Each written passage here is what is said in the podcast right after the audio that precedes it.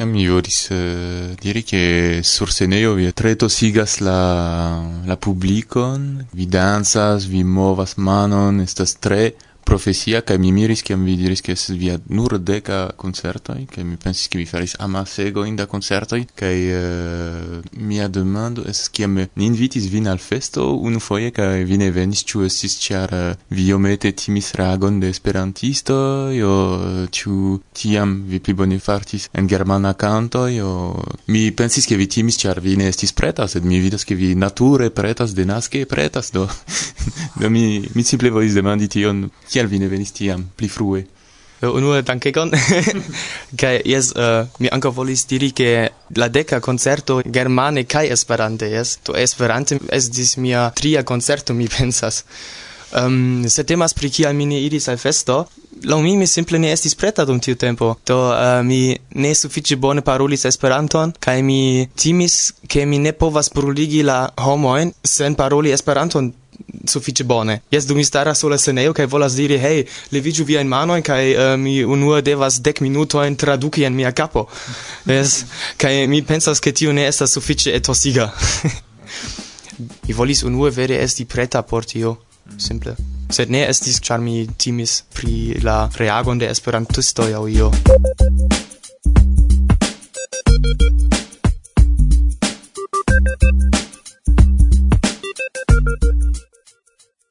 Do ni jam diris ke via muziko estas tre idealista kaj vi mem diris ke se Dolĉamar diris uh, ni bezonas junajn idealistojn do mi John jam estas la juna idealisto. kaj uh, ekzemple por tiu homo kiu tute ne konas vian muzikon ĉu vi povas en kelka vorto ekzemple kvin eh, diri la gravajn punktojn de via muziko ke la idealoj aŭ la idealistaj fundamentoj por vi kiu ideologio. Ekzistas kelkaj multaj gravaj temoj por mi, ekzemple kunvivo de la homoj en la mondo, aŭ ankaŭ la naturo estas tre grava al mi, do ankaŭ mi kantas pri Esperanto, pri amo, ankaŭ grava al mi estas la radikoj de la homoj, kiel ni vivis kelkajn cent jarojn antaŭ en Gotopo.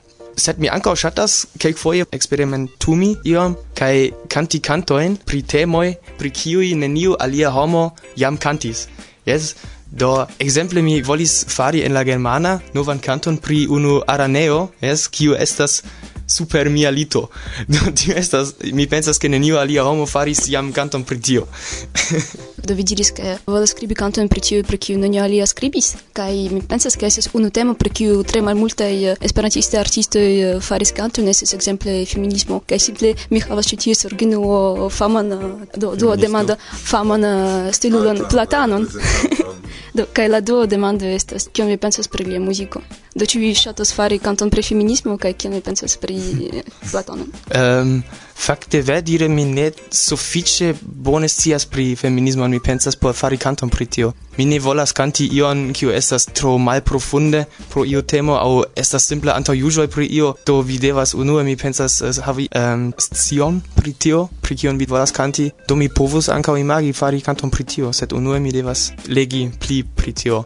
Kaj la alia afero estas platano, mi tre ŝatas, ne ekzistas tiel multe uh, muziko en Esperantujo, ĉu ne? Do estas bone ke ni havas Tenerima kaj Platanon kiel repistoj ankaŭ tone, li ankaŭ repas, sed laŭ mi tone ankaŭ havas iom da regeema uh, stilo laŭ mi kai mi lernis Esperanton per audi muzikon, aŭskulti la tekstojn kaj ni devas danki la aliajn muzikistojn.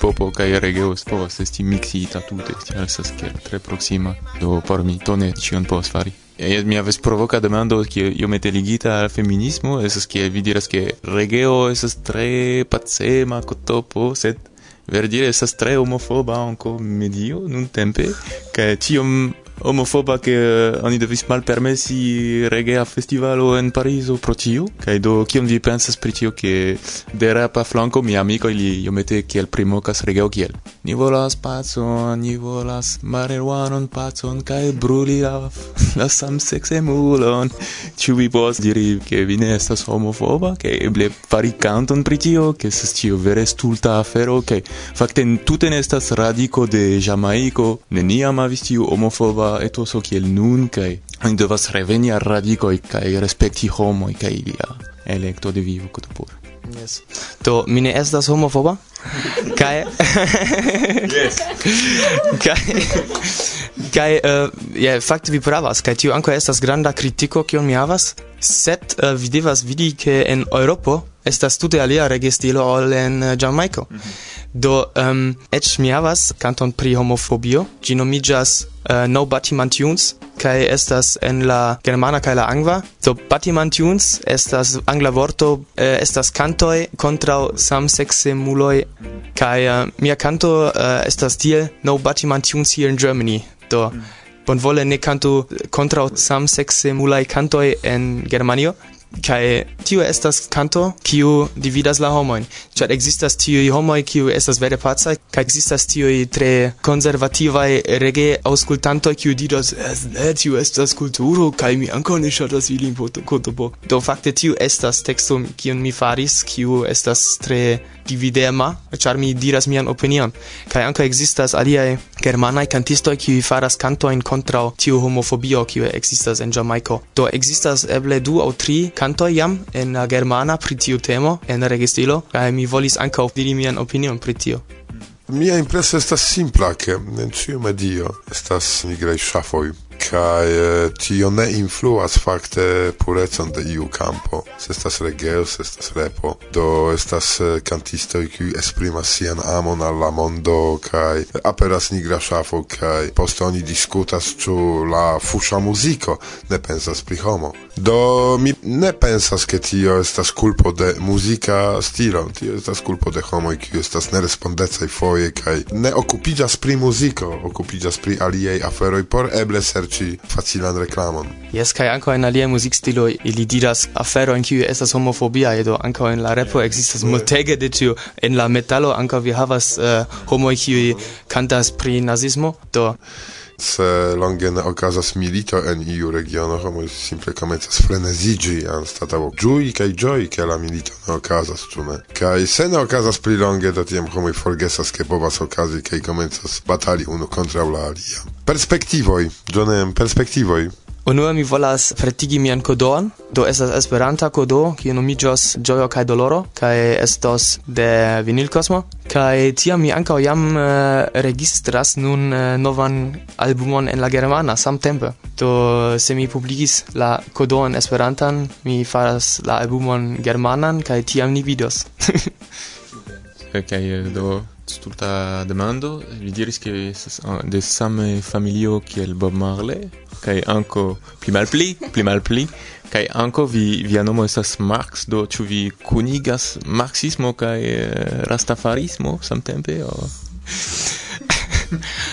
Do um, mine electis mian lasta nomo tre sed facte mi tre chatas habiti un nomo charmi ŝatas kion Karl Marx skribis. Do mi bedaŭrinde mi verŝajne ne estas eh, uh, io infano de li, sed fakte mi ŝatas lin.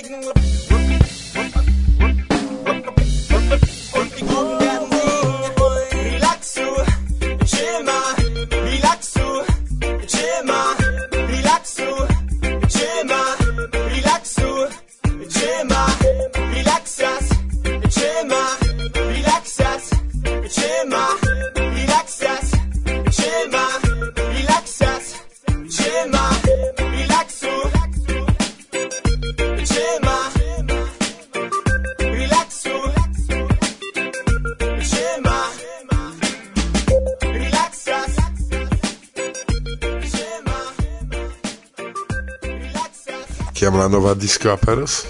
Comence 2013, jes, en la comenzo iam.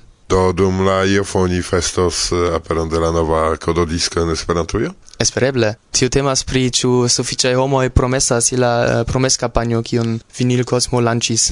Kaj ĉu vi povas malkaŝi la ĉefajn titolojn de la disko? Eh, jes, mi povas. Do estos la kanto Dankon, kiu la lastan jaron, jes, mi tri foje cantis dum rencontigioi esperantai, kai kiu estas suffice conata, mi pensas jam. Kai tiam novan canton, kiu nomicas Crescu Esperantujo, kiu fakte estis la lasta canto dum mia concertado uh, eh, hierau, kai la homoi tre shatis gin, mi pensas. John, em, kai bedauro ke vi lin ne vidas, kai bedauro ke vi ne partoprenis tiun concerton, char tiu homo frenezigis tutan salonon, kai ciui comencis danci kiel simioi, kai eh, estis ege, ege charma ĉarma dancejo, ege charma vespero.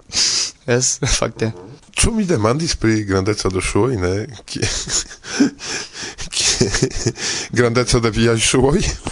Kvardek kvin. Kvardek kvin? Mm, estas granda ŝuo, ĉu kiel vi pri tio? Ĉu vi poste preparos kiel granda donacon de ŝuoj al ĉiu artisto, ĉar pri kiel vi do ĉiam demandas tion mi? Estas mistero. Estas mistero pri mia uh, shu grandeco. Eh, estas demando alira ĉu ne? Kiel mi ĉiam demandas pri grandeco de ŝuoj. Yes. Sed mi ne estas preta por intervjuo nuntempe, ĉar mia Mia voĉo ne funkcias eh, bone. Do eh, momento por viaj salutoj, eĉ en la germana vi rajtas. yes, do mi salutas eh, al mia shatanto e kai tre uh, tre joyas ke vi subtenas min kai ke vi povas danci, povas havi bonan etoson je mia muziko kai esperas ke mi povas fari uh, sufiĉe longe pliajn muzikaĵojn por vi. Kai kiel John M. dankas? Aŭskultu nun. Do homoj! Esperanto! Yes, tio ci estas reggae stilo. Rocio, kiel vi fartas? Ej, ej, danzu homoj! Mi volas diri dankan al miaj plej bonaj amikoj en la mondo. Do dankan ke vi ĉiam ĉeestas kun mi en mia vivo. Multe okazis,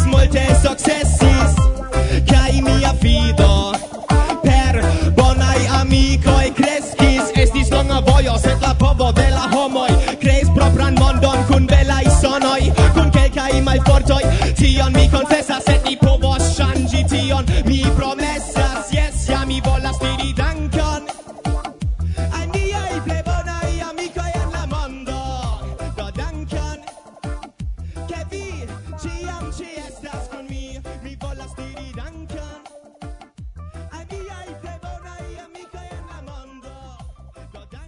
Mi estas Peter Balash, kunordiganto de ECI kaj unu el la ĉeforganizantoj de SES, somera Esperanto-studado, kiu okazos en la jaro 2013 inter 12 ĝis 12 de julio, tuj antaŭ Uko en la urbo Martin en Slovakio. La urbo Martin estas fama pro diversaj kialoj. Unu el ili ekzemple estas tio, ke en ĝi loĝas ekzemple Stano Marĉe, kiu estas nun la redaktoro de revuo Esperanto, sed ankaŭ instruisto dum ses kaj verkisto de krom alie lernolibro Esperanto per rekta metodo. Krome en la urbo fakte multajn jarojn aktivis agadis la grupo Teamo, kiu produktis sian unuan albumon Esperanto, kaj ĝi iĝis la plej fama grupo de Ĉeĥoslovakio dum pluraj jaroj, preskaŭ jardekoj. Krome la urbo havas ankaŭ tre gravan rilaton debaton al Esperanto, ĉar ĝuste en ĝi estis eldonita unua traduko de la unua libro de Esperanto en la slovaka lingvo en la jaro 1900. kaj la urbo estas tre grava ankaŭ por slovaka movado kaj slovaka lingvo, ĉar ĝuste en ĝi okazis multaj agadoj por antavenigi fakte uzadon de la slovaka lingvo. Urbo Martin estas en belega regiono, kiu troviĝas fakte en meza Slovakio en la norda parto de ĝi, apud la urbo Žilina, kiu estas tre facile atingebla per trajna konekto ekzemple sed ankaŭ per ŝoseo, tre proksime de Pollando fakte estas plej facila konekto aŭ de Bratislavo per trajno ekzemple aŭ de Krakovo de Pollando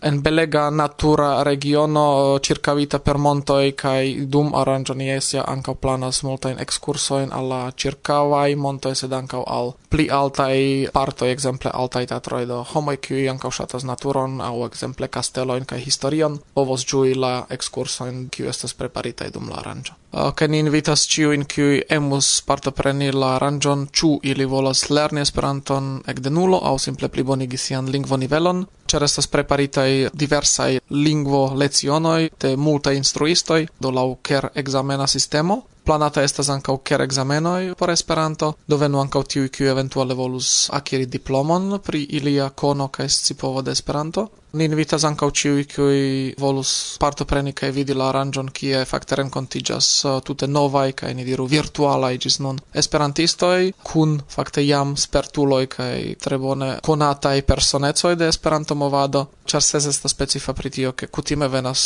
ĉirkaŭ kvardek kvindek procentoj de homoj por kiuj tio estas unua Esperanto aranĝo kaj pro tio ni ankaŭ bezonas ĝuste la spertajn esperantistojn por ke ni povu krei bonan internacian etoson por ke tiuj homoj kiuj venas unuafoje povo kaj volu reveni al Esperanto aranĝoj kaj al Esperanto movado kio ĝis nun okazas sufiĉe ofte kaj homoj jes ja ŝatas la aranĝon. Pro tio fakte ĝi okazas nun jam sepan fojon kai ni elkore invitas in veni, ciu lerni antau tag meze au ciu giui post tag posttagmezan vesperan kaj noktan programon.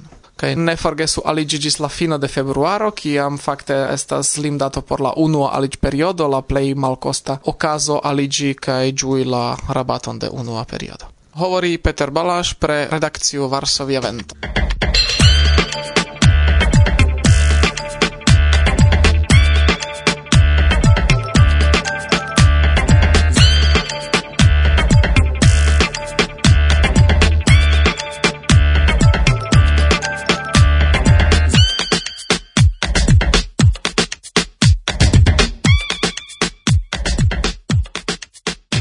Voyagiante circa la mondo in tiu ci programo, non mi povas diri unu malgrandan frazon. Gavarit Moskva. Saluton. Saluton carai. Mi estas Irina Genčirova, mi loĝas en Moskvo. Do pri Ekmasi vi aŭdis ke ekzistas tiu klubo kaj eh, la klubo laboras por progreso de Esperanto en eh, Moskvo kaj en Rusio, kiel organizo kaj la klubo. Kaj nun ni interparolu eble pri afero kiu estas malpli konata inter esperantistoj, kiu oni povas malkovri en la reto, sed ne ĉiuj simple trovas tion kaj eble ne scias ke ekzistas. Do en Moskvo estas organizataj lingvo festivaloi. Pri kio temas? Do mi devas diri, ke ne nur en Moskvo, kaj ne moskvano inventis tion, la lingve festivaloj havas longan historion, pli ol dek ok jaran, Se tamen mi ŝatus paroli ĝuste pri la Moskva lingva festivalo, ĉar ĝi kiel ĉiu lingva festivalo en ĉiu urbo havas siajn specialecojn. Do lingva festivalo en klasika formo estas prezentado de lingvoj kaj tio estas por ekstera publiko ciui desirantoi povas prezenti lingvon kaj ciui desirantoi estas bonvenigate de la organizantoi. Presentado de la lingvoi mi comprenas che prezentata inter la lingvoi estas ankaŭ Esperanto aŭ ne, ĉar esperantistoi kiuj organizoi kaj esperantistoi inter si interkompreniĝas Esperante kiel vi tion eh, organizas. Do unu il principio de lingva festivalo estas ke ciu lingvo en la mondo sendepende ĉu granda ĝi estas malgranda, vaste usata aŭ ne vaste usata, aŭ eble jam ne reprezentanta de ĉiu lingvo en la teritorio de nia festivalo estas egal valore kiel homara trezoro kaj kompreneble inter tiui plej diversaj lingvoj estas anco Esperanto. Kai mi diru ke en nia lasta lingva festivalo, kiu havas numeron sep, ni presentis sepdek diversajn lingvojn plus dudek lingvistikaj prelegoj kaj plus dek kulturaj aranĝoj. Prezentis, kion signifas prezentis? Ĉu vi parolis eh, poezion, ĉu vi instruis la lingvon aŭ prezentis gramatikon? Dankon pro la bone demande. Do prezenti lingvon estas rakonti dum 35 minutoj pri la lingvo al la homoj kiu nenion scias pri la lingvo. Do quaso anto vi sidas novuloi, ili devas ricevi informon kio vaste existas lingvo en la planedo, kiam gi naskiĝis kaj kiel evoluis, sed baze nepre ni devas scii pri strukturo de la lingvo, pri ĝia gramatiko kaj multe malpli pri kulturaj specialecoj de la homoj kiuj parolas la lingvon. Ĉu ekzemple la germanan eh, lingvon aŭ la polan lingvon prezentas polo kaj germano aŭ rusoj kiujn konas la lingvon?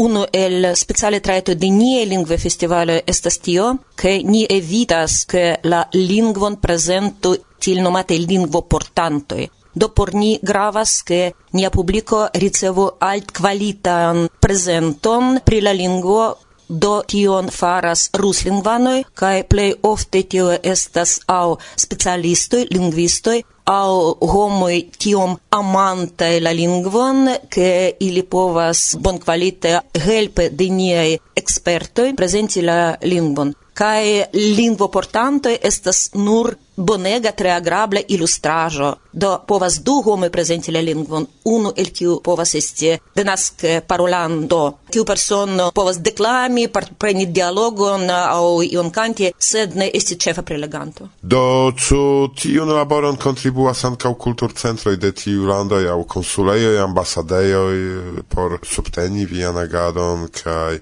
doni ekzemple iujn materialojn pri la kulturo de tiuj landoj? Eh, eble nun mi diras strangaĵon, sed ni ne bezonas tion.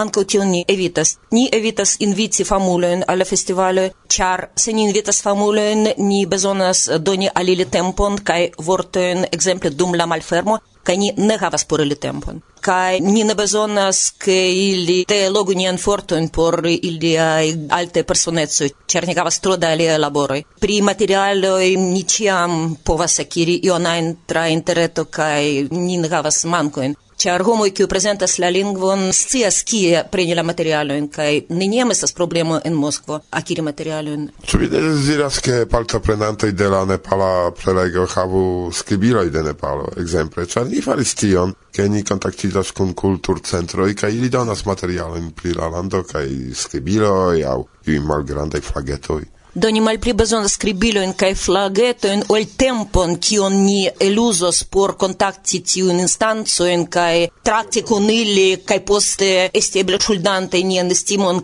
kai de nove exemple accepti ilian artan programeron por la concerto kiu ni tuta ne bezonas ĉar ni havas ege bonkvalitajn koncertojn sen helpo de amatoraj kulturcentroj mi komprenas ke tio daŭras unu semajno minimume ĉu? Nur unu tagon. Tiu tago estas ĉiam dimanĉo kaj ni komencas relative frue je la dekunu agoro matene por Moskvo tio estas vere tre frua tempo kai ni finas post la naŭa horo vespere. Do tuta programo daŭras unu tagon. Do interese, ĉu vi povas ĝenerale diri kion celas la lingva festivalo nun? Ĉar ni scias, ke pri kulturoj temas, ke vi prezentas multajn lingvojn, multajn kulturojn, multajn prelegojn, prezentadojn dum unu tago, kaj kiun rezulton vi atentas? La celo de Esperanta Asocio Masi estas creo de pozitiva bildo pri Esperanto kaj popularigo de Esperanto. Ni credas ke celo de Esperanto koincidas kun la sloganoj de UNESCO por multlingveco en la planedo, por lernado de la lingvoj dum la tuta vivo, por pureco de la gepatra lingvo. Do tio estas la ideologia baza de nia festivala agado. Kai nun ni multe esperas kai joyes kai pli kaj pli da venas al ni. Ekzemple la lastan sepan Moskvan lingvan festivalon partoprenis ĉirkaŭ 1400 homoj. Do ni iras ĝustan vojon. Kial ni daŭre faras tion? Ĉar surprize ni havas ege multajn homojn kiuj interesiĝas ĝuste pri nia festivalo malgraŭ ke nun en Moskvo pli kaj pli da aranĝoj pri la sama temo aperas sed ili ne kapablas konkurenci cun ni, cer tio kiun ni leveras estas absolute unicajo. Cial? Cer ni estas orientitaj ne al distrado de homoi, do ciui urbaj aranĝoj celas distri homoin, kaj per distraĵoj allogi. Sed ni allogas per alta qualito de niai lingvaj presentadoi kai ni havas nian publikon, kai tio estas unika, kai ni tre fieras fakte pri tio, ke ni sekvas tiun pozicion.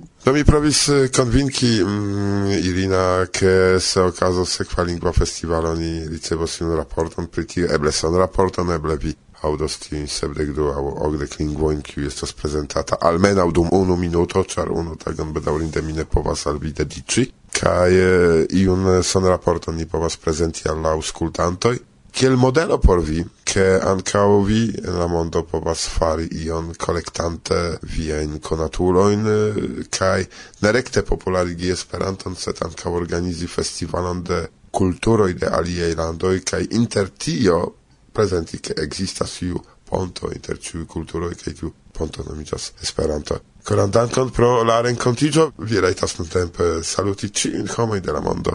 Do, care homoi de la mondo, mi alvocas vin lerni lingvoin, diversen lingvoin, char ciui lingvoi estas granda trezoro. Kai lernado de lingvoj tre tre vastigas la horizonton kai menson kai amikecon inter popoloj. Esperanto estas grandega trezoro inter tiuj lingvoj.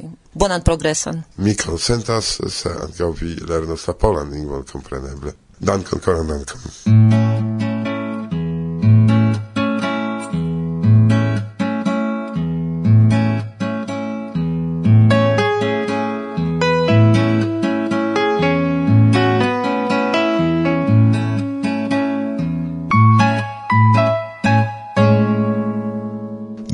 verŝajne ĉion la okdekoka elsendon. Dankon pro via contribuo en la hodiaŭa programo. Speciale al John M., Sergej kai Marieta, Katarina kai Ralf. Kai al Hožener, dankon eh, pro contacto. Kai kiel Irek diris komence, permesu al ni iom ripozi post la redakcia laboro. Hodiaŭ kaj hieraŭ. Jes, eh, sed dume ne forgesu viziti nian Facebookan retejon. Kai saluti nin menciante kie nin vi auscultas. Tio estas tre interesa.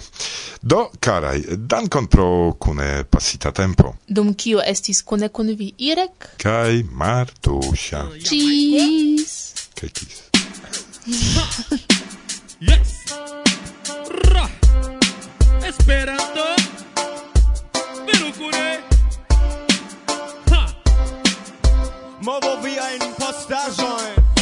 Consentul che regheu nu trec e niru Tra la porto della coro ca nin a fable tiru Din conduco per dia pova nesprimebla voyaggio Al comunidio con imem, al dolcio, al placio Dien penso un colorigo per la faina all'azuro Vengo e Nico stante la sento della play arda a plezuro Balsamaricio d'oro tra la tutta atmosfero Circa un latero a bilda aero. Accepto de regeo vendo. Promen vaga de migrado e transportelo rela etoso Venura pide trevigre trebrile al verba Moio sacra placento De toio ci momente ni stimulas. La bracoi de la vivo pazienze Ni nulas foriro ploro doloro pleno va contento veo. Regu nu, regu nu, regu nu regeo Regeo Regeo, rego vin, vin, lin, xin. A la pogeo, potunin Regeo, rego vin, vin apogeo portunin regeo regumin vin lin shin alla apogeo portunin sensuale ni na tendas da serena ti elo. Vendo all'incontro fresco bello bello dope bello beba super li la spirito del naturo. Regeo directo ni aneratia aventuro constanta presuro ni portugues Pailo tegimenta capano, che labor vago, sen pago. Tanto de descoloraj mil nuancaj papilioj Floroj ĉirkaŭanta brillanta plenaj emocioj Enlasen limboj faco monta cai, cai kajkoj Infanoj nudantaj sub la ombro de ado. Kaj tiu jamajkarismo matene bekanta nin Tenera sinfonio grandiosa cai, sen fin. Acute sonora hela el sono de Orfeo.